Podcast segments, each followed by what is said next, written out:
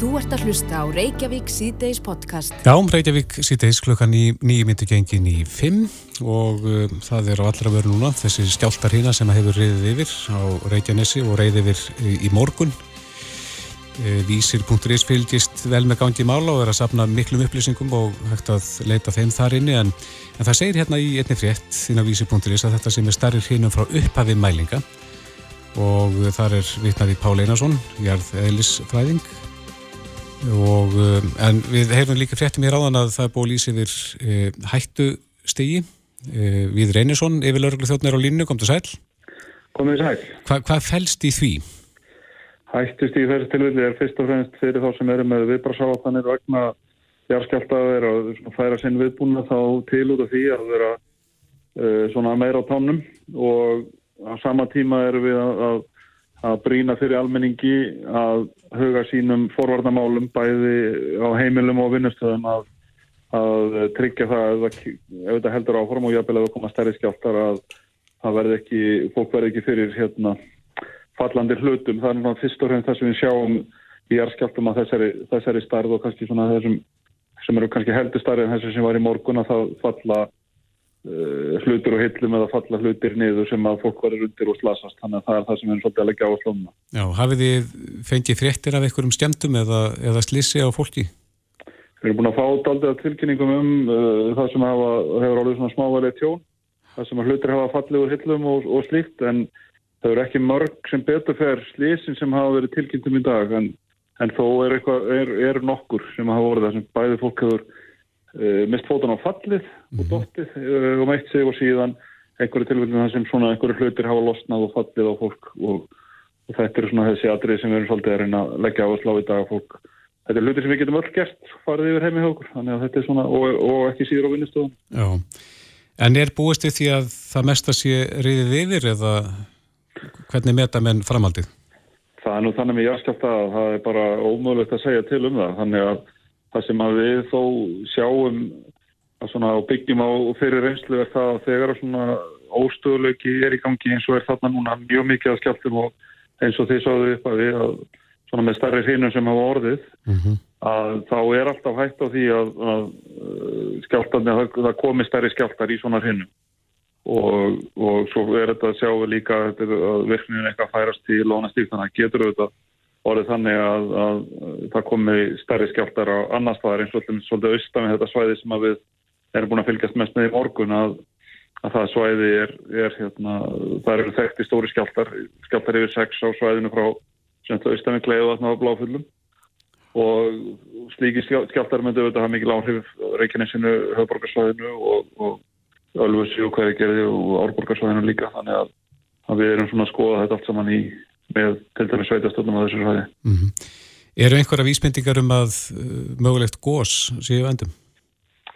Ekki segja sérfræðingar það. Það er ekki að sjá, sjá neitt slíkt í ögnumbygginu og, og þeir mælar, svona hérna, aflögunamælar, GPS-mælar sem er á, er þessu svæði hafa náttúrulega ekki verið að sína neinar neinn merkjum um, um þennslu eða einhvað slíkt en, en uh, þetta er auðvitað eitthvað sem þarf alltaf að hafa í huga þegar að verða svona, svona reyfingar og sérstaklega þegar þetta er svona óvinnilegt eins og þetta að hérna hvort að kveika geti eitthvað leitað, leitað inn í, í skorpunum þegar svona er en, en, en hérna í nýja hverjum tíu tilfellu sem við sjáum að kveika þeirra stað þá, þá fer hún ekkert upp úr yfirborðinu og þetta eru fyrst og fremst bara járskjáltar út af, af flekamótum og, og landhreyfingum segja mhm. okkur sérfæðinganir. Já. En hættustand ástandi hefur verið líst yfir. Er, eru björgunarsveitir í, í viðbrástöðu þegar að slíktir? Það fara allir viðbrasalar að fara yfir sín uh, sagt, sitt ót og sín, sín verka áallanir og slíkt þannig að það er allir núna fulli bara að fara yfir hvort að, hvort að mann séu tilbúinir í það ef að stærri skjálta kemur og þurft að, að kalla út meira leið til aðstóð það, það var lögreglu og slökkulið, sjúkrafundingamenn og björgansveitir og, og aðra og auðvitað helburiðstofnun líka fara yfir sín mál og fleiri og fleiri. Þetta er svona Þetta er, er svona viðrunamerki sem við gefum og, og, og þá, þá fara allir að, að skoða sín mál stofnanir og fyrirtæki og aðrið þannig að Já. þetta er hluti bara af, af þessu við hefum sagt að við sagt að mjög oft síðast ári að við séum all almannavarnir og það er einmitt þetta, það fylgdi ekki bara COVID-inu það er óvið í öllum okkar aðgerðum að, að það fyrir allir að leggja stöitt að, að, að sagt, draga úr afleðingum og svona atbyrðum og, og við getum allir byrjað heima hjá okkur. Já, rýmingar áallanir eru, eru búið að fari við þær svona ef að til þess skildi koma? Já, það er þetta svona, jarðskjált atbyrður uh, virkir nú yfirlega ekki rýmingar áallanir sem slíkar, það er, það er, það er nú meira svona að það er einhver elgós eða flóðu eða eitthvað slíkt sem að við horfum á rýmingar áallanir í því en, en það eru þetta tilbúnar áallanir sem voru unnar eins og í kringu Grindavík og fyrir Reykjanesi í, í fyrra og það er til rýmingar áallan fyrir höfuborgarsvæðið og En það er ekki það sem við erum akkurat að horfa á í öfumblíkinu. Nei, en hvaða svæði er þetta helst, það sem að þessi stóru stjáltar hafa reyðið yfir? Ég sko, það eru til þessi heimilda frá 7. áratögnum þar sem að varðu stóri jarðskipti í brennistisfjöldum sem er svæðið sem sagt, milli, má segja, milli Kleðavass og, og Bláfjalla. Það eru þekkt, þekktir skjált, stóri skjáltar, var var þar á, á sjönda áratinu var, var stórskjálti þar sem er smengstar 66,5 á þeirri stær og, og síðan er, er til eldri heimildur slíka skjálta svo auðvitað þekki allir svona þess að söðurlandskjálta sem við, við hérna hárum á en, en þessi skjálta geta alveg eh, sem er á þessu svo eldmyndinu teljast náttúrulega til söðurlandskjálta Já, en svona kannski rétt í lókin við hvernig gengur að svissa yfir frá veiru yfir í skjálta svona við stöttum fyrirvara?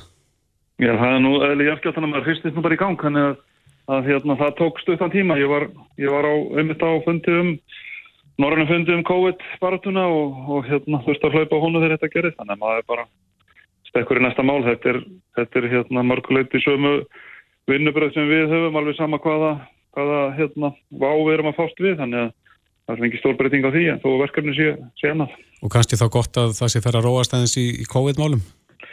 Já, já, það eru þetta, hérna, er heppilegt að við séum ekki á stæmistæði faraldir þegar svona er, bæði, alltaf bæði þetta álægin og svo líka ef einhver gerist að, að við getum, getum bröðist við með, með hérna, mjög öflugum hætt á hans að þurfa að hafa áhugjur af, af, eh, af smiti líka.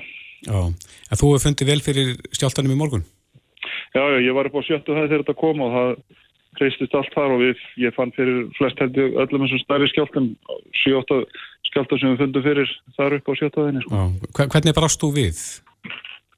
Ég reynu að sitta rólegur þannig að fyrsta sem maður þarf að huga að er, er að bara vera rólegur og það er, ef maður er þannig aðstöð að, að útelur skjáltin sé, sé mjög stór og þá þarf maður að leita kannski skjólsundi borðinu en, en fyrst og fremst nýst þetta bara um að halda rósinni og svona reyna að sjá hvernig umhverju hegða sér og á maður þau það er ans, ansi margir sem hafa stasa sig við það að hlaupa á stað þegar mm -hmm þegar svona gerist þannig að, að yfirleitt er bara best að reyna að halda kjöru fyrir það sem maður er og ef eitthvað byrjar að detta og að leita þá skjólsundi borðið eða náttúrulega. Og þú er strax fundið að þarna var eitthvað stort í gangi? Já, já, það leindi sér ekki. Næ. Viðir Reynisson yfir Lörglu þjótt, kæra þakki fyrir þetta. Takk sem leiðis. Þú ert að hlusta á Reykjavík C-Days podcast. Það er ímislegt búið í gangi á alþingi og meðal þess sem fjallavarum í dag var rakaskemtur og mikla í húsum. Mm -hmm. Við töluðum við Söru Óskarsson hjá Píratum um daginn þar sem að um þessa þingsálektuna tilu sem lögð var fram en, en hún var samþygt í dag. Og það er spurningi með þetta þingmannamál og uh, það er nú ekki oft sem að þingmenn ná sínu málum í gegn. Akkurat. En það tókst núna Haldur á Móhansson, Pírati, eh, er uh, fyrsti flutnismæður að þessari tilögu. Kom til sæl? Já, sæl. Já, þú fagnar þessu eflaust að, að þetta hafi flóið gegnum þingið. Jú, jú að sjálfsög, ég er bara, það er æðislegt.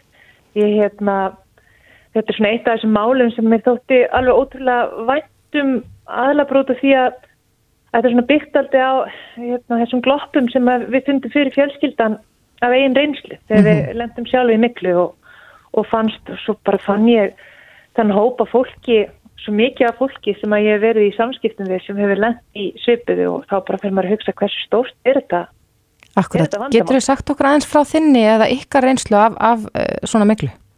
Já, sko við vorum í leiguhúsnaði og þá koma bara upp opaslega sérkynlega veikindi út af því að við erum yfirleitt fjölskyldan bara mjög helsiraust og alls konar síkingar, bara fyrðilega síkingar og, og hérna og þá fer ég bara að hugsa, mér fannst þetta bara að vera óeðlegt og þá fer ég að skoða hvort að það sé möguleiki á að sé eitthvað mikla og ég bað, ég fekk hérna, ég fekk þess að fólk til þess að koma og skoða húsnæðið og kom þá í ljós að, að það væri rosalega mikil miklaðna og við fluttum bara út strax.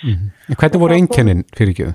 Já, einkennin, þetta bara, þetta voru í raun og veru bara mjög þurðilega síkingar og svo var mikið kvef og, og hérna, ætla kannski ekki að fara í dítala um nákvæmlega hvernig, hvernig síkingar en dóttir mín fekk rosalega mikið eksem og hérna, og við fundum bara fyrir slappleika, þetta var bara ekkert eðlert ástand. Var það öll, funduðu öll fyrir þessu eða?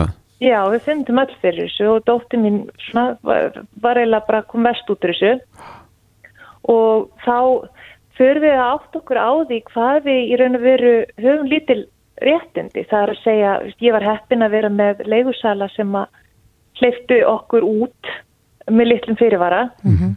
en annars þá komst ég að því að í raun og veru hefðan ekkert þurft að gera það. Það er, við hefum alveg skilt að verið först að maður borga leigu og alveg út leigusamningin sko eða þannig fyrirvara sem er í leigusamningnum. Mm -hmm. Og ímsið svona hlutur varðandi tryggingum og annað, þá voru við bara ekkert trygg fyrir miklu og ímsið sem kom upp. Og það hefur oft verið talað líka um það að til dæmis eins og búslófóls er, er oft bara sennilega ónýtt eftir að hafa verið í slíku húsnæði. Já, það var nefnilega það sem er svo ótrúlega erfitt er að við þurftum að henda öll, við bara losiðum okkur við alla búslóðina og það er rosalega vond að komast að því að tryggingafélagi dekkar þetta ekki. Já, já. En er þetta að kaupa ykkur að sérstakka tryggingar, svona miklu tryggingar? Ég veit ekki til þess. Það Nei. er sko, það er ekki nefn að sé um, augljós leki eða, sko, eða spr hérna, springur rör eða eitthvað svoleiðis mm -hmm. sem að það er möguleiki á þessu en þetta er rúslega gráu svæði finnst mér.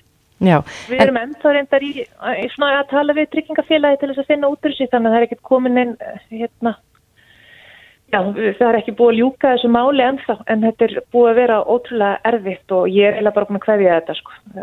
Þetta tækir færi að fá þetta greitt bætt á eitthvað nátt. Akkurat, en, en þessi þingsálduna til það sem þú laðir fram og, og var samþýtt í dag, hverju mun þetta breyta fyrir þá sem að lenda í slíku?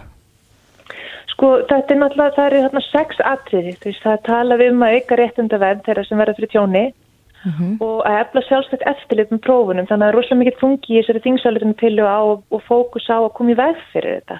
Þannig að efla eftirlit með prófunum á byggingarefni áður en að tekja til nótkunar og svo efla þekkingu fagaðila á rakaskemdum og forverðnum og til að verðist vera greiðilega lítil þekking og það verðist vera á hratt um, og ódýrt frekar heldur en að, að tryggja fyrst að það sé velgert. -huh og gera aðgengilega miðlegan hátt upplýsingar um framkvæmdir eins og er gert en þú kaupir nýjan bíl þá færðu bara svona sögu yfir viðgerðir á, á, á bílnum en, en þegar færði í dýrustu fjárfestingu lífstíns þá færðu bara enga sögu Nei.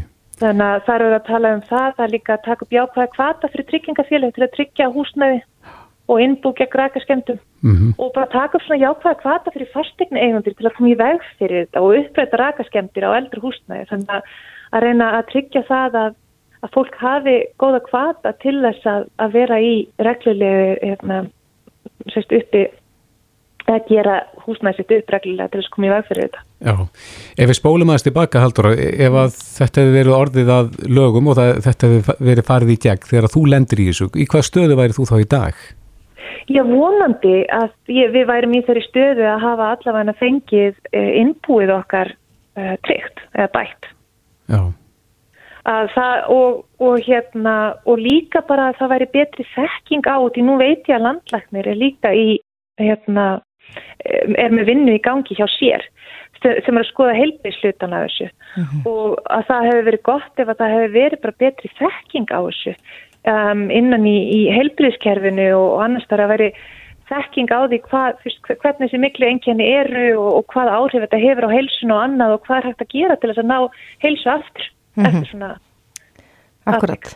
Við töluðum hérna við Silgjudögg Sigurjónsdóttur uh, á mánudagin held ég alveg og, og já, töluðum reyndar um hana sem sko konurinn sem kom miklunni á kortið hvort sem hún þykki þá nafnbótið ekki en. Eh, nú er þetta svona nokkuð nýtt á nálinni þannig séð að, að það sé svona mikil umræða um þetta heldur Já. þú að, að rannsóknir á, á þessu séu nægilegar hér á landi?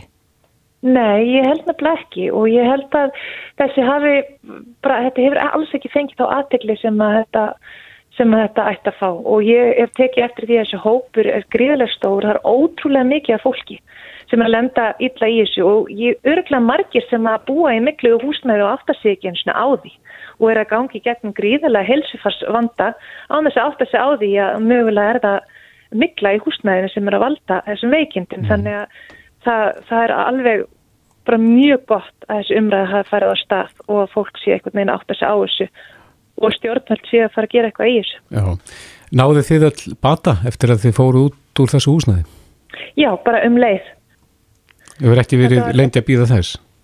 Nei, sko, það er náttúrulega enda á einhverjir eftirmálar, um, XM og annað, en, en þessi svona alveg, þessi, þessar síkingar, það er hættið mm -hmm. og við fundum all fyrir því að bara, já við fundum bara all fyrir því hvað okkur leið miklu miklu betur þegar við vorum komin hann út. En við vorum líka heppin að við vorum ekki hann í langan tíma. Ég var til dæla nýfluttin í þessa íbúð þannig að þetta voru bara nokkru mánuður og, og hérna og einhvern veginn að ég hafi og við höfum átt að okkur á því að tjekka á þessu með mikluna. Já, þetta er kannski vakning fyrir einhverja sem er að berjast við þráláta sýtingar að, að láta kanna þetta sem möguleika. Já, absolutt. Ég held að það sé alveg þess virði að gera það. Um, þetta er náttúrulega ekki ódist og það er annað sem að, sem að þarf að ræða að, að fá svona sérfæðinga til sína skoða þetta en það er alveg þess virði. Akkurat, en, en hvernig er það innan heilbreyðskerans ef að fólk mm.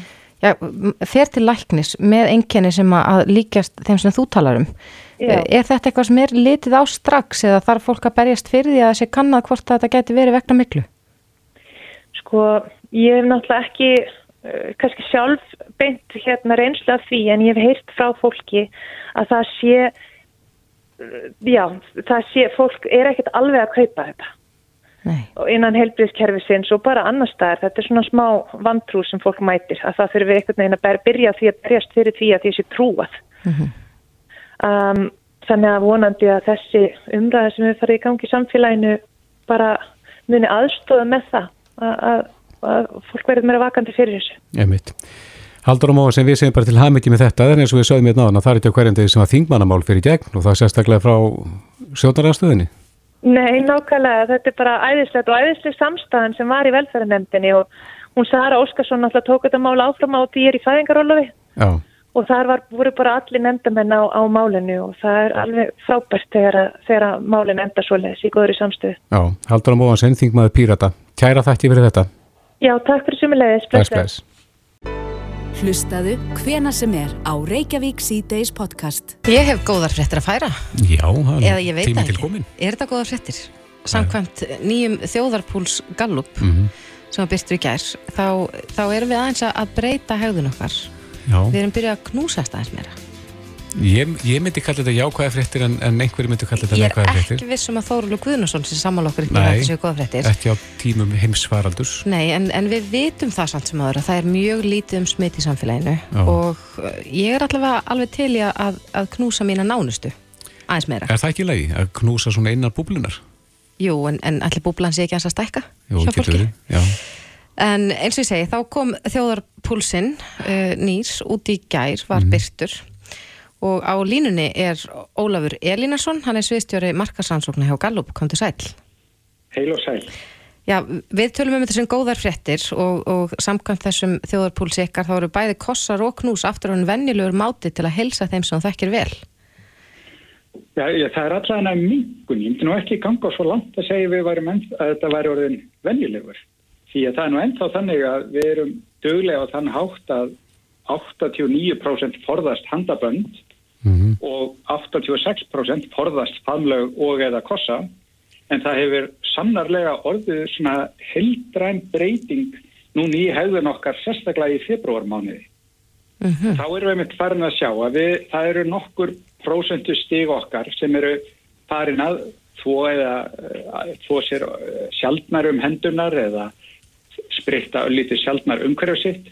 Við erum aðeins farin átt að hlýðabúna minna, við erum aðeins farin að forðast eiga, óþras, að, eiga oftar óþarfa samskipti við fólk. En þetta eru mjög litlar prósendibreitingar í hverju einu, mm -hmm. en það má sjá alveg greinilega þegar maður skoðar gögnin að, að það, núna í februar þá gerðist eitthvað hjá okkur að við, það er allir sem að gefa svona öllítið eftir. Mm Hvað eigið þið viðmiðun að tölu langt aftur í tíman? Við, við byrjuðum alveg í februar 2020, þannig að við eigum eiginlega allt tímabilið undir. Já. Og hvernig hefur þetta þróast? Þetta. þetta hefur, sko, það eru nokkri hluti sem hafa haldist bara mjög stöðir og til að mynda uh, tröst til almannavarna og helbyrjastjónustu að, uh, sem að treysta þeim vel til að takast á þetta. Það hefur haldist í 90% pluss allan tíman og sem er ótrúlega hátröst mæling. Við erum nýbúin að byrta líka hérna tröst til stopnana og við sjáum ekki svona sko, tröstmælingar nema til landhelgiskeslunar og, og þess áttar. Mm -hmm. Þannig að það er búið að haldast alveg stöðugt og eins eru um 65% sem að treysta íslensku ríkistjóðinni vel til að takast á efnæðslega áhrif. Já, já. Þetta hafa svona verið svolítið svona konstant í mælingunum hjá okkur. En ertu með samabörða tölur millir landa? Það er að segja hvernig er þessu háttað í landunum í kringum okkur? Eh, ekki, ég er ekki með nýja mælingar eins og staðin er núna og væri óskaplega áhugavert að sjá það eftir að breska og söðurafríska afbreyðið gengu yfir. Uh, þá er gaman að sjá samabyrð á því sko, með okkur inni. Það hefur ekki komið önnur samræmt mæling núna í, í nokkra mánuði síðan að einu var að gera síðastliðið höst ah, mm -hmm. en, en eitt af því sem að þið mæli líka er sko uh, hversu mikið við óttumst að smitast af kórnuverunni, hvernig hefur þróunna því verið? Hann er að gefa eftir og uh, reyndar talandum hvort þessi jákvætti eða neikvætti þá er bæði sko ótti við smit að minka, kvíðið er að minka og áhyggjur af helsufarslegum og efnahagslegum afleiðingum. Þetta minkar allt saman. Og ég hugsa að það sé náttúrulega bara ágjörlega holdt að horfa á þannig að það er gott þegar þessi hlutir minka sérstaklega þegar tölurnar sína það eru fá smit eða enginn svo dögum skiptir og bólusetningi í gangi. Já, það, það lít... er gott að við séum ekki með óþarf áhyggjur. Já, það lítur að vera heilbriðismerki? Já, það má ætla það að, að þetta sé eðlilegt í, sam, í, segja, í samræmi við hvernig ástandi er í landinu. Já. En við höfum séð eh, auðvitað þessar bylgjur ríða hér yfir sko fyrsta önnur þriðja. Sjáu þið þessar tölur varandi sko ótt á smitum og kvíða og öðru slíku, sjáu þetta hækka í samræmi við fjölda smita í samfélaginu? Við sjáum þetta svolítið í takt við bylgjurnar. Mm -hmm. Að sko að þegar við sáum eh, bylgjurnar sem kom í, í mars 2020, svona fyrstu bylgjuna, þá jógst óttinn svo gáðum við eftir um sumari alveg margtak breyting þarna millir tímabila og eins og við flest vitum að þá fórum við aftur að ferast inn á lands og hafa það gott og síðan með höstunu þá byrjuðu smitin að koma og þá sjáum við að óttin hann bara ekst samhliða því og nær svona hámarki núna um svona síðustu mánaðamót þannig svona mest í oktober fram í desember en frá áramótum þá hefur þetta verið að gefa eftir hægt og rólega og við erum eina legstu mælingu sem við hefum haft í óttanum við að smittast síðan í júni 2020. Þannig að við erum eiginlega komin aftur í svona sumafrískýrin eins og við vorum í fyrra. Já, og, og eigum það alveg stílið? Já, það er ekki, nú, nú vísa ég á Þórólf. Já, akkurat. En er eitthvað meira sem að uh, vekur aðtegli? Það er bara þetta að sé þó ekki meiri uh, eftirgjöf en, en tölurnar sína. Þú veist, þetta er ennþá ás, óskaplega háar tölur, 80-90% okkar segjast vera viðhalda góðum sótvörnum með þvótt og, og forðast fjölfarnarstaði, mm -hmm. forðast handabönd og þess áttar. Þannig að, að það verist alveg verið að haldast í, í hendur svona, hvað við segja, þetta, þetta innræti sem við erum búið að temja okkur að hugsa um persónulega sótvörnum, það verist verið að halda sér þó að við séum að gefa eftir í óta og kvíða, en þetta eru svona litlar breytingar en koma víða fram. Akkurat, það hefur nú oft verið talað um það að, að við séum já, svona, þegar að koma fréttir af því að sé lítið um smita þá, þá bara já, já, erum við svolítið frjálsleg? Það hefur oft verið talað um að, að fólk óttist það að við hættum að já, við halda persónulegum sótverðum og annað slíkt. En samkvæmt þessu þá erum við enna að halda í uh, sprittið og handfottin og allt þetta. Algjörlega, það er ennþá alveg yfirgnefandi meiri hluti okkar allra sem, a, sem að gerast það. Og það er nú gaman að segja frá því að sko það eru frekar konur heldur en karla það, margt tækur munur á, á kynjónum þarna hvort það eru döglega að þó sér og, og reynsa kringu sig og forðast handabönd og þess aftur, að við karlar eru maður eftirbátar. Já, ég ætla að vera að spyrja, eru konurnar döglegri? Það eru döglegri. Og hreinlegri? Já, það eru allavega döglegri í þessum konunum að segjast gera þetta. Já, akkurat. Já, þetta er ansi merkilegt og þið komið til með að fylgjast áfram með þróunin í þessu og kannski eitthvað eftir að faraldinu líkur? Já, það gerum við. Við reynum að hafa svolítið puttan á púlsunum þegar kemur að þessum svona heitustu málöfnum í, í samfélaginu hverju sinni og, og byrsta þar og láta vita af. Já, Ólafur Elínason, sviðstjóri Markas Rannsóknar hjá Gallup. Kæra þakki fyrir þetta. Takk sem leys. Reykjavík síðdeis á bylginni.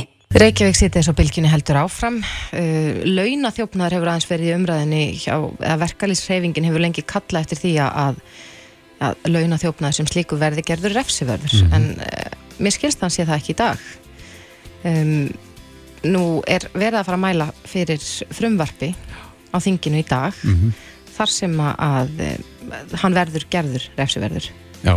en uh, mér skilsta að reyndara að, að sá sem ætlar að mæla fyrir þessu frumvarfi sín og ekki, ekki par sáttu með þau viðbröð sem hann hefur fengið við þessu. En á línunni er Birgir Þóransson þingmaður miðflokksins, kom til sæl Já, bless og sæl.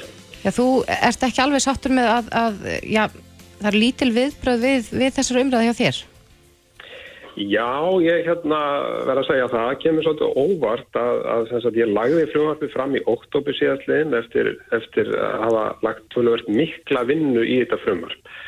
Bæði með, með sérfræðingum hér á, á nefndasviði Alþingis og fleirum mm -hmm.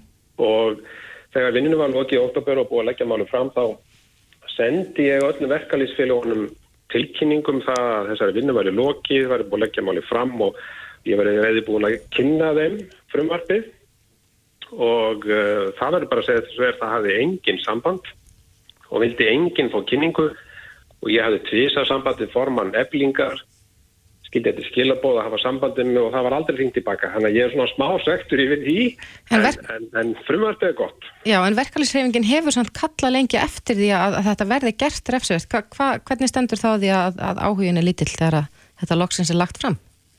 Já, það er nefnilega það sem ég er mjög hissa á, sko, vegna þess að, að, að þau hafa kallað eftir þessu og eflingavöldum er sketið þess að, að sko, á fimm ára tímabili hafi kröfur þeirra vegna vangondina launanum þeir um um 5 miljónum króna, þannig að það er mikið í húfi og þetta er stort og mikið mál, þannig að ég hef ekki skýningar á því hvers vegna þau vildi ekki fá neina kynningu eða sörðu ekki mínu skilabóð, ég bara hef enga skýning á því mér. En Bergi, segð okkur aðeins út af hvað gengur frumarfið? Já, það gengur sem sagt, markmiðið er sem sagt að spórna við þessum kjara samningsbrotum á vinnumarkaði og sem að meðal hans að rannsók frá alltíðusambandinni hefur bent á að, að þetta hefur aukist og er alvarleira á, á síðallinum árum og frumvarpi gengur stuttumann út á það að vinnumálastofnun verður heimilt að leggja á stjórnvaldsegt á atvinnureikanda ef hann hefur vísvindandi eða stórfældu gálesi greitt undir, undir lámas kjörum og alltaf 5 miljón krónar stjórnvaldsegt sem vinnumálastofnun getur lagt þarna á mm -hmm. og uh, nú uh, stjættafélugin uh, fá líka hana heimildi til þess að kalla eftir bæði sem sagt hérna launasæðlum, ráningarsamningum, tímaskriftum og öðru slíku um kjöru launamannsins. Hafa þau ekki þessa heimild í dag? Nei, þau hafa ekki þessa heimild í dag og þannig verður að skerpa á því og í framhaldi geta þau sem sagt snúið sér til vinnumálastofnunar og tilkynnt að þarna sé grunur um að ekki að sé allt með feldu og þá fer vinnumálastofnun í það mál og hún getur kallað eftir fleiri upplýsingum og, og svona rannsakarmálið mm -hmm. og að því loknu tekur hún ákvörun um stjórnvaldsegt sem getur numið sem sagt þess að án alltaf 5 miljónum króna Nú það er síðan hægt að kæra þessa ákvörðu vinnumálastofnuna til ráðanettisins eða fara máli, með máli fyrir domstóla bara sangat stjórnsýslu lögum. Akkurat, en Birgir, hvað er sagt, launa þjófnaður nokkuð stórt orð? Hvað fellur þarna undir og, og ákvörðum bytnar þetta helst? Já, sko, það er líka hægt að nota náttúrulega bara hlundfara launa menn en, en stjættalfélagin hafa nota þetta Uh, um sem sagt uh, nota hugtæki launa þjófnaður en þetta er að byrna, byrna mest á erlendu verkafólki og svona ungu, ungu fólki á vinnumarkaði það er búið að sína fram á það mm -hmm. En er þetta þá, þá fólk sem kannski þekkir ekki réttindi sín nægilega vel og, og vinnuveitundur að nýta sér það? Já, það má því miður eiginlega álita svo sko. Þetta er sérstænt fólk sem þekkir svona síður síni réttindi á vinnumörkaði og þá er það helst erlendastarsfólki og svona ungt og tekjulátt fólk. En það er sérstænt í dag, þess að þið sáðu réttilega, engin viðlög við þessum brotum, enga sektir eða neitt þess háttar. Þannig að, þannig að menn getur raun og veru, ég tekka nú fram að það er náttúrulega mikil meiri hluti atvinnureikanda heiðarleir og og koma vel fram við sitt stafsfólk en það er náttúrulega alltaf skussar innanum og, og þeir geta endur tekið þetta aftur og aftur á þess að nokkur viðlug sé við því og það er náttúrulega bara algjörlega afleitt og verður að taka á því máli. Já. Eh, Hvað er það sem rekur þig til þess að fara í og taka á þessu máli? Já, það má eiginlega segja það hérna eftir að kveikur byrti hérna umfjöldunum hvernig var verið að hlunfara ellert verkafólk að þá, þá fór ég á stað með þetta mál og hefur svona unnið það jæmt og þétt og, og lagt eins og ég sagði upp að við tölum mikla vinn í þetta bæðið með sérfræðingum og öðrum.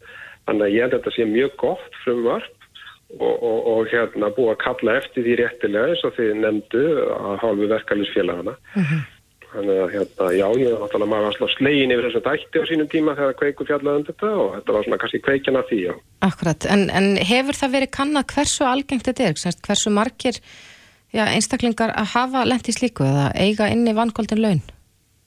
Já, það er allavega hefur komið fram að hálfu, hálfu sagt, hérna, eflingar að þetta, að þetta sé mun við að meira vandamál heldur en tölur gefa til kynna og, og enda fleiri stéttafölu sem taka við erundu félagsmanna um sem sagt valgóndi laun. Þannig að, þannig að svo er líka alltaf um það að launafólk leitar ekki réttarsins og, og, og, hérna, og það er bara óttast að missa vinnuna og svo framvegis. Mm.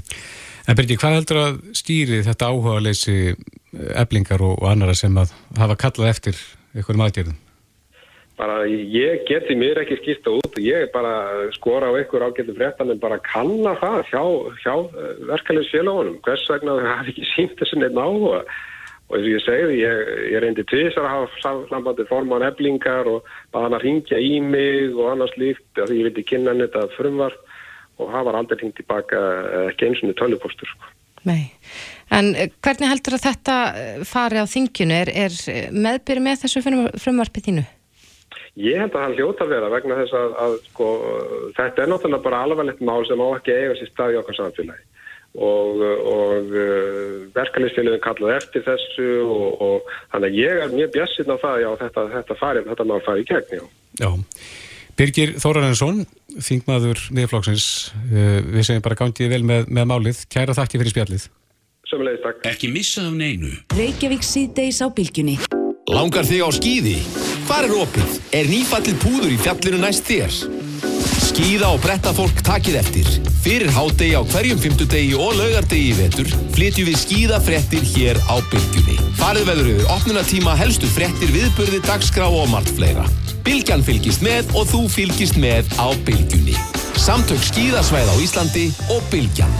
Með í snjónum í allan vetur. Ég nýt þess að ganga. Finna fyrir náttúrunni og upplifa kyrðina. En á gönguskíðunum þá nýt ég þess enn betur. GG Sport. Húsið verður þitt þegar þú málar með nýju umhverfisvænu Kópal innimálingunni. Kópal, þínir regnbóans litir frá málingu. Hefur þú tíma aflögu til að standi við pottinum? Það tekur aðeins örfáar mínútur að elda bollurnar frá norðlenska. Njóttu frekar tímans með börnunum því þau eldast svo fljótt. Norðlenska. 100% nautakjöt. Fytumagnið er sérblandað og brauðin eru sérbökuð. Ekki lausu að Lebowski hambúrgarnir eru þeir bestu í heimi. Lebowski bar. Náður þú 8 klukkustunda svefni í nótt? Njóttu þess að vakna tilbúin í daginn. Betra bak leggur grunn að góðum degi. Ég heiti Jasmine og ég bjóð til þrjú glæni Local salad fullt af nýjum og ferskum röfnum aðsamt þreim nýjum dressingum. Local. Fjármálastjórin býr ekki til peningana, heldur fólkið í fyrirtækinu. hrmonitor.com Rauntíma starfs ánægju mælingar. Vissir þú að konur þurfa að jafna í lengri svepp en karlar? Original Whites. Styrkir glerungin, verndar tennurnars og reynsar bletti á áhrifaríkan hátt.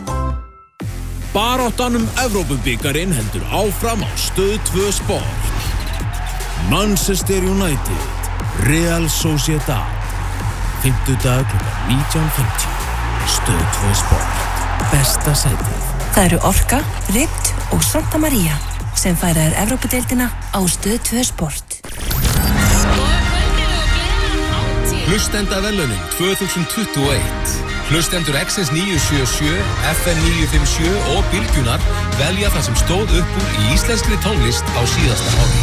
Kostningin er nú hafinn á vísi og þú kemur þangað inn til að kjósa.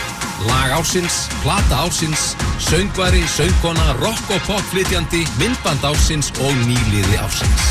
Sigurvegararnir fá hlustendavelunin afhend í glæsilegu tónlistapartíi á stöð 2. 9. Njóttu íslenskrar tónlistar og takk Þetta er Reykjavík C-Days podcast. Hún skalf jörðin í morgun og uh, það fór ekki fram hjá mörgum hér á Suðvesturhóttni landsins.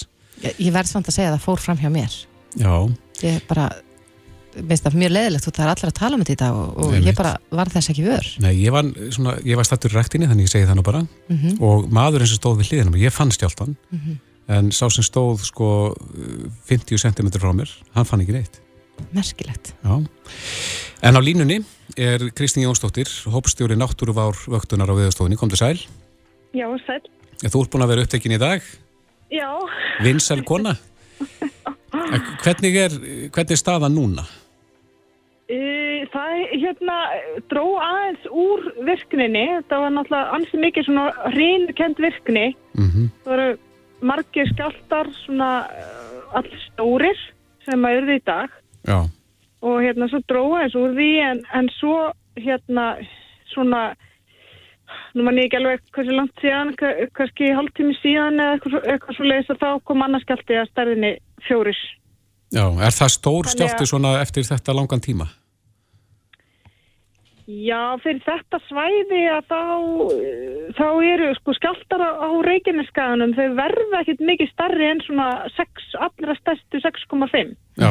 Þannig að- að skjáltar að stærðinni 5 og 6 eru hansi stóris og hérna, og þetta er þessi skjáltar sem við höfum verið að finna í dag, svona allavega við sem að höfum verið á, á þriðju hæð og ofar þegar ég er nokkuð vissum að hérna búin að finna ansi mörg högg í dag. Já. Hvað eru stjáltarnir rótni margir í dag? Eru þið með tölu á þeim? Það er, þetta eru mjög, mjög margir skjáltar sko, í rauninni áður en að- þessir, hérna, þetta er nefnilega að byrja með svona lítilli hrinu, Mhm. uh, hérna við Færadalsfjall og, og í bara strax sko klukka nýju morgun þá eru komin einhverju 350 skjáltar, þannig að uh, ég ger ráð fyrir því að, að þetta sé svona, ég veit ekki, svona 3-5 þúsund skjálta dagur sko. Já. Sem að telst þá vera mikið í Það svona er rosalega ástandi? mikið, þetta er rosalega mikið, já. Hefur þú upplifað slikt áður, Kristín? Ég hef ekki upplifað svona dag áður, nei. það verður nú bara að segjast. Og, og við þurfum að leita alveg 50 ár aftur í tíman til að finna álíka hriðinu á Reykjaneskan. Mm En menn eru vantilega með varan á, eftir hver eru menn að, að leita núna? Já, við þurfum náttúrulega bara að býða og sjá. Um, eh, það sem að, þetta kannski kom eitthvað alltaf óvart að það væri ennþá innistæða fyrir svona ölluri virkni á þessu svæði að því að nú er þetta svæði búið að skelfa hérna svo mikið bara á síðast ári. Þannig að maður svona, við kannski byggumst nú síðu við því að, að það væri innistæða fyrir svona mörgum fimmum hérna. Uh, já, en, en um, og þú veist á þessu svæði, en, en, en svo er það önnur svæði á Reykjaneskaðanum, þar sem að minna hefur skolvið og bara nánast ekki neitt skolvið á svæðinu frá kleifavatni og af uh, þessu þrengslunum.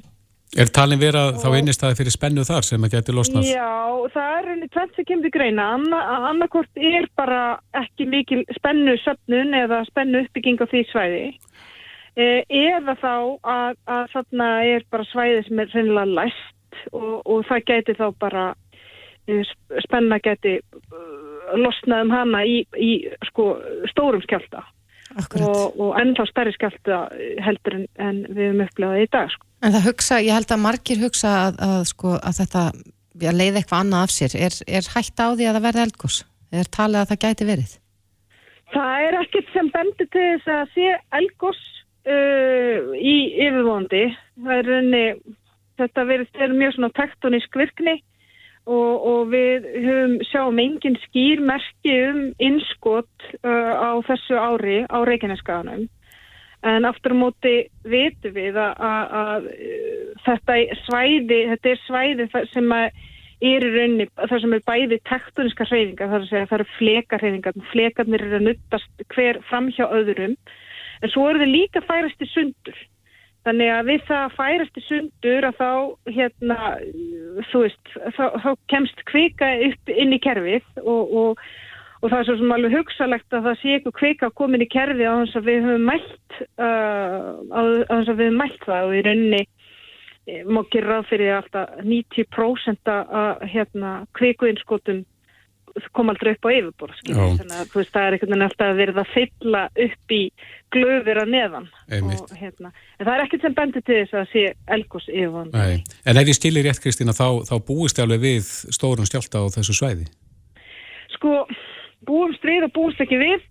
Já, ég myndi segja að það, það hlýtur að koma því að það verið skjáltu þarna á þessu svæði sem að það sem að hafa orði skjáltar sem hafa verið kallið brennisteinsfjallarskjáltar og, og hvað veistu kannski líklega í dag að skjáltin að skjáltarnir hafi ekki orði raunverulega í brennisteinsfjallum heldur uh, aðeins austar uh, á miskingi sem hefur kallað kvalnúksmiskingi og hérna Gæti þessi sjálftar hérna í dag fyrir djöðu, gæti hún framkalla þá spennulósun á þeim stað? Það er ekkit útilokka, við, við rauninni okkur finnst líklegt að bara með að við erum í svona ástandi, það sem er svona mikil hérna, já það sem er svona mikla hræringar, að þá er aukast líkunar á því eitthvað meira gerist. Þannig að það er svona ákveðin óstöðuleik í gangi og þá aukast líkunar á því eitthvað meira gerist. Þannig að þess vegna viljum við hafa varna. Já. Kristín Jónsdóttir, hoppstjóri náttúruvaru auktunar á viðstofinni. Kæra þakki fyrir þetta. Já, takk, takk. Bless, bless. Og uh, við ætlum að stifta aftur, ja, stiftum yfir á Reykjanesið. Það eru Kristján Már Unnarsson, uh, fréttamæðurinn okkar. Sæl, Kristján. Já, komið sæl. Já, þú ert búin að vera að taka púlsinn á mannlífinu þarna í dag. Hvernig, Já, er, já. hvernig hefur það verið?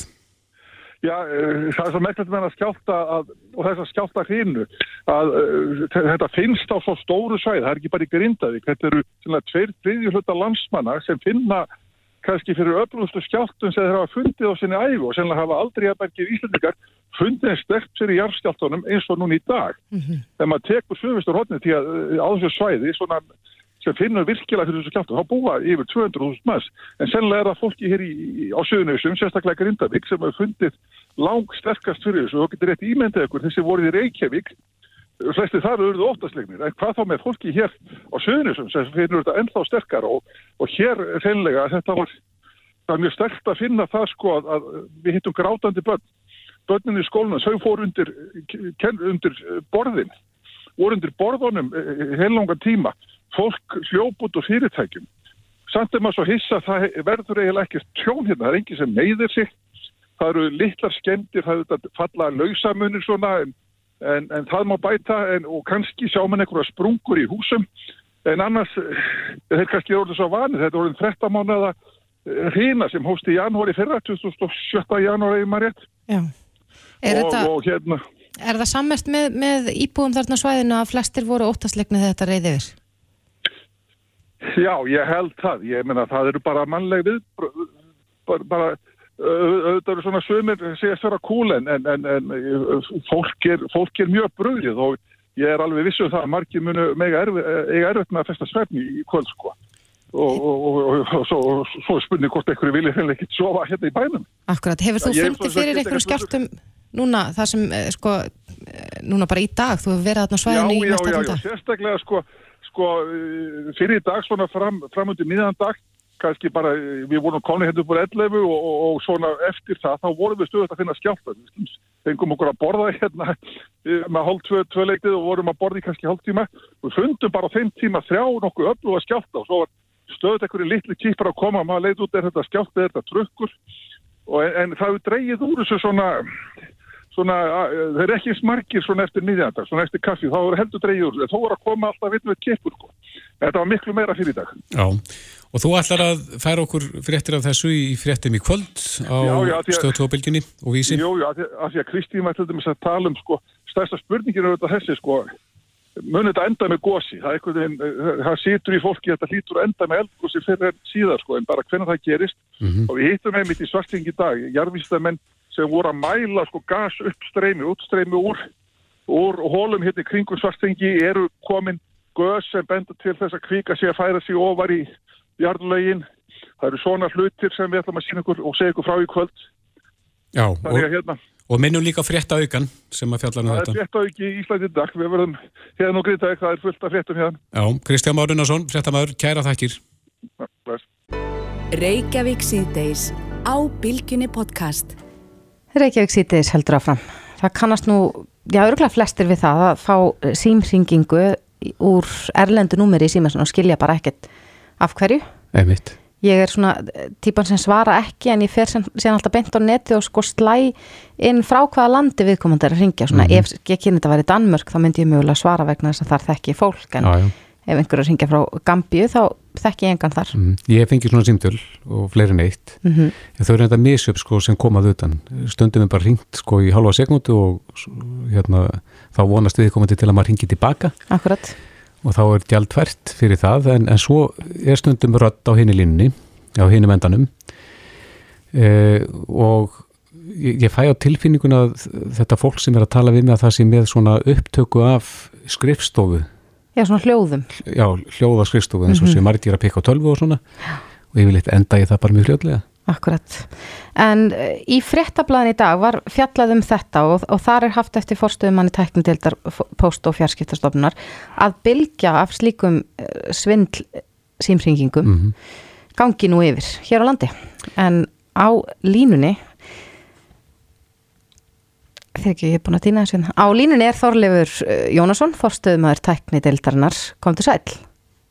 Já, komið sæl. Hvernig símtöl eru þetta sem að fólk er að berast núna? Hva, af, af hvað er gerð? Eh, Þetta er nú, er misjæmt eh, hvers konar síntölu þetta er. Það, er nú að segja að þú sést búin að fara í gegnum það í inganginu svolítið. Mm -hmm. Annars er þetta á síntölu sem að er bara ein ringing eða á ringing og síðan lagt á. Eða þá að það er einhver síntölu á bakveða. Uh -huh. Rödd, rödd sem að reynir þá vantilega að bjóða einhverja þjónustu. Já, og reynir þá vantilega að fá eitthvað upplýsingar upp á fólki með varandi reiknis upplýsingar og slíkt? Já, þeir sem að standa á bakvið þetta hafa nú yfirleitt svona í e, fyrir sér að reyna að afla upplýsingar og svíkja út úr fólki Já. fjármun ef, ef hægt er. Mm En hvaða símtölu eru svona varhugaverðust? Er er það þegar að fólk er að ringja og, og skella á og reyna að fá mann til að ringja tilbaka? Er það þá sem að, að, að hætta er á að, að maður greiði fyrir slíkt? Já, það er hægt, að, hægt að því ef á bakvið númerið er slík þjónusta sem að, sem að er þá dýr uh, er gjaldfært mjög dýrt Já. þá er það hægt á að, að þú tapir bein, beinum peningum þar í rauninni Mm án þess að gefa upp einhverju upplýsingar. En erum við alveg ráðalaus gagvart svona eða er, er þetta að gera eitthvað? Getur post- og fjarskiptastofnin eitthvað blanda sér í málið? Eða síma fyrirtækin? Korki post og fjárstæðstofn niður síma fyrirtækin geta að blanda sér beint í þetta.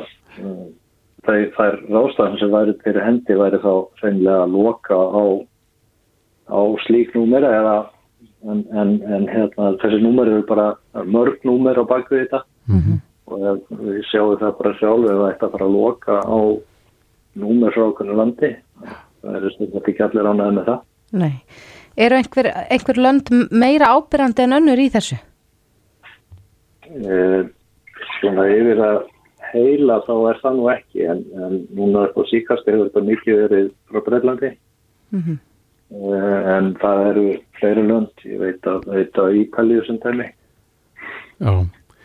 Eh, Hvar komið þið inn í málið? Er, er, er, fáið þið tilkynningar um þetta eða, eða eru þið að fylgjast með þessar umferð? það er nú fyrst og fremst í því að, að við verðum alltaf að vera þetta bara þjálf ég er sjálfur svona síntöl og, og samstagsfólk mitt Hvernig bregðist þið við bara svona fyrir forvitninsækir? Við getum í lítið, í sjálfur sér lítið bröðist við þessu. Uh, ekki að vera lita hendunni því að, að vara fólk við að við getum í, til dæmis í svona viðtali.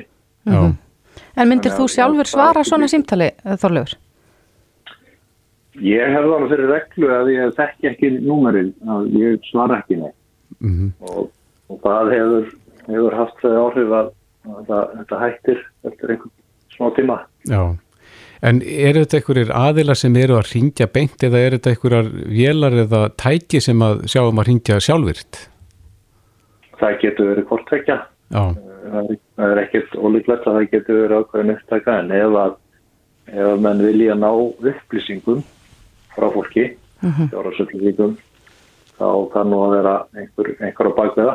Já. Þetta er, auðvitað, þetta er bara orðin yðnaður í rauninni og, og ekkert ólíklegt að þessu skipuleg glæparstar sem á bakvið svona og þá er þetta yfirleitt fólk líka sem er sjálfað í því að, að tala sig inn á fólk. Mm En eru dæmi um það hér á landi að fólk verði sérst, falli í þessa grifju og verði mögulega af einhverjum háum fjárhæðum? Ég hef sjálfu, sjálfu sér og við hjá, hjá Post og Fjárn hefum ekki staðfestar upplýsingar um það Mm -hmm. Og þess, þessi mál í rauninni eiga þannig sé ekki inn á borði í okkur heldur, heldur er eðlilegt að þetta slík, slíkt harið til lauruglu í þarna er um, um að ræða uh, lögbrott þannig að, að, svona ráðleikingar okkar ef að fólk verður fyrir tjóni er það að snúða sér beint til lauruglu já. En ef að fólk fær heiminháan símirekning af því að það hefur ringt tilbaka, eh, hefur fólk eitthvað ráð varandi það?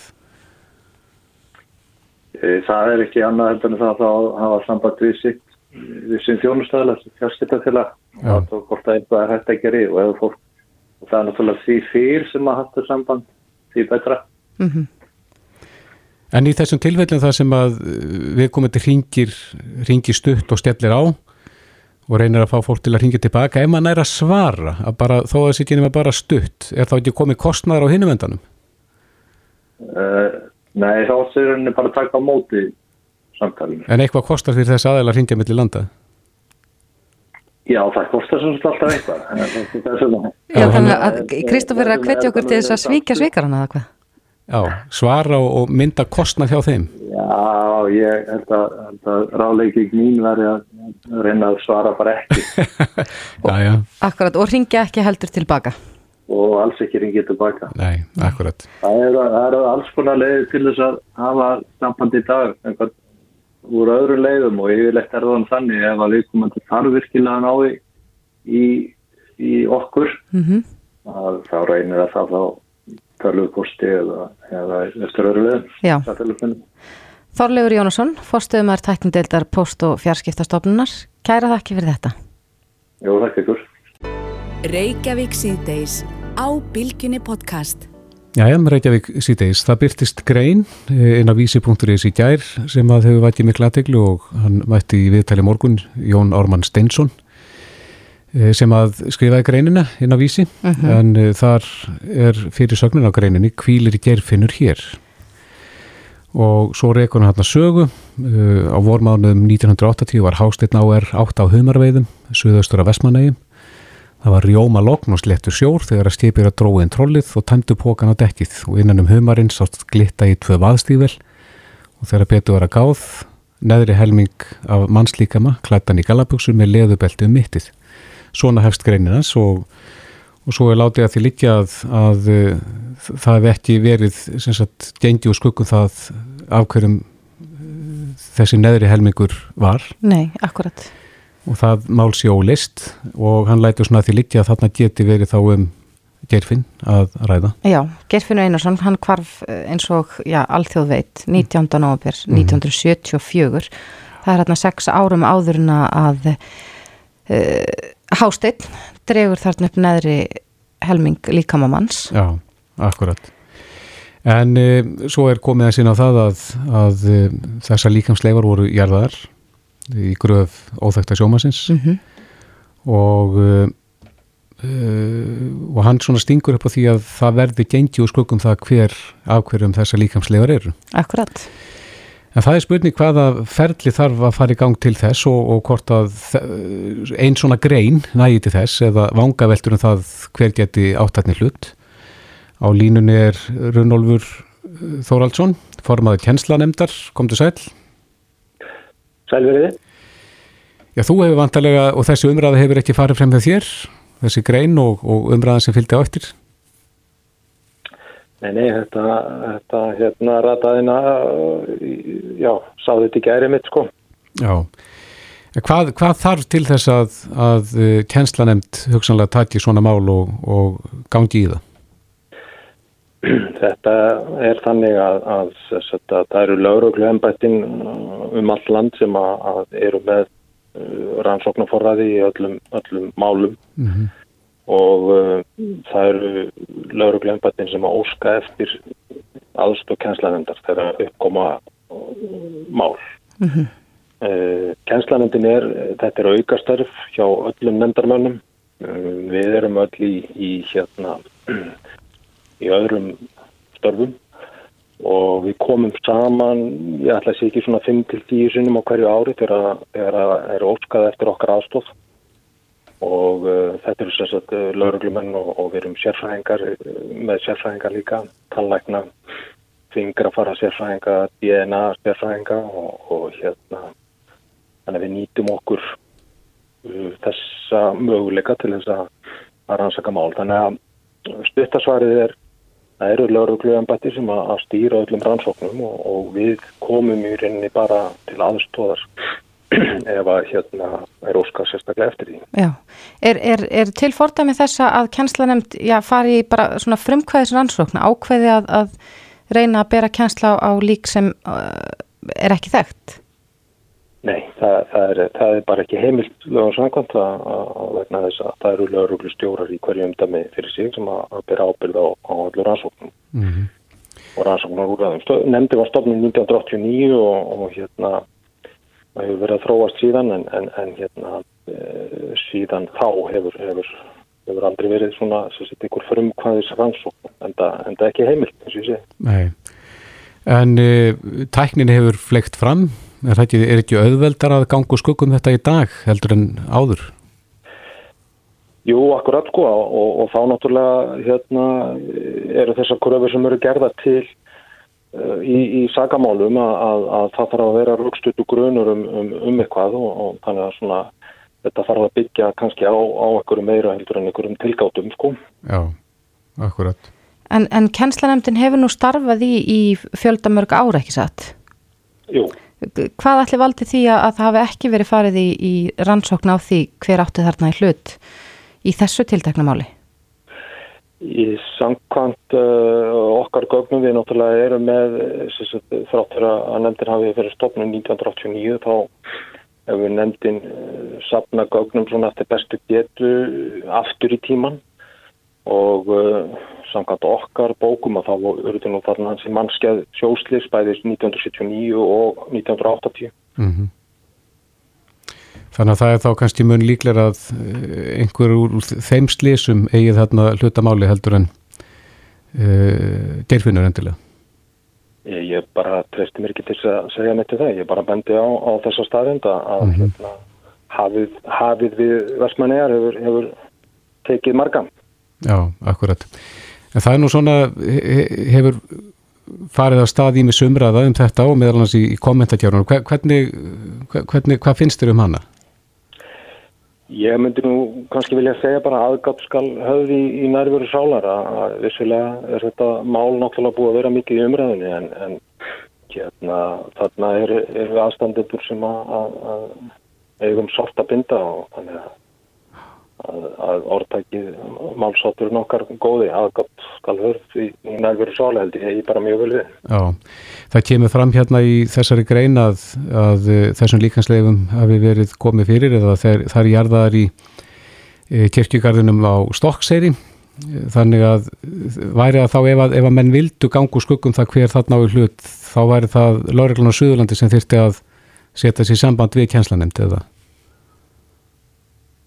ef að, ef að já, ef, ef við gæfum okkur það að lauruglan á, á Suðurlandi hefði staðfestar upplýsingar að, að, að þá hérna gætu þau hafi rannsókn og, á, á þessu en, en, en Og kallaði ykkur þá til. Já, myndi þá kalla okkur til en, en, en hérna, það, það þyrsti að vera staðfestar upplýsingar alveg klálega því að, að við náttúrulega búum líka við lögum um, um hérna um uh, að raskist við jarniskum leifum. Já, Runolfur Þórhalsson, formaður kennslanefndar. Kærar þakki fyrir þetta. Já, lítið. Þetta er Reykjavík C-Days podcast.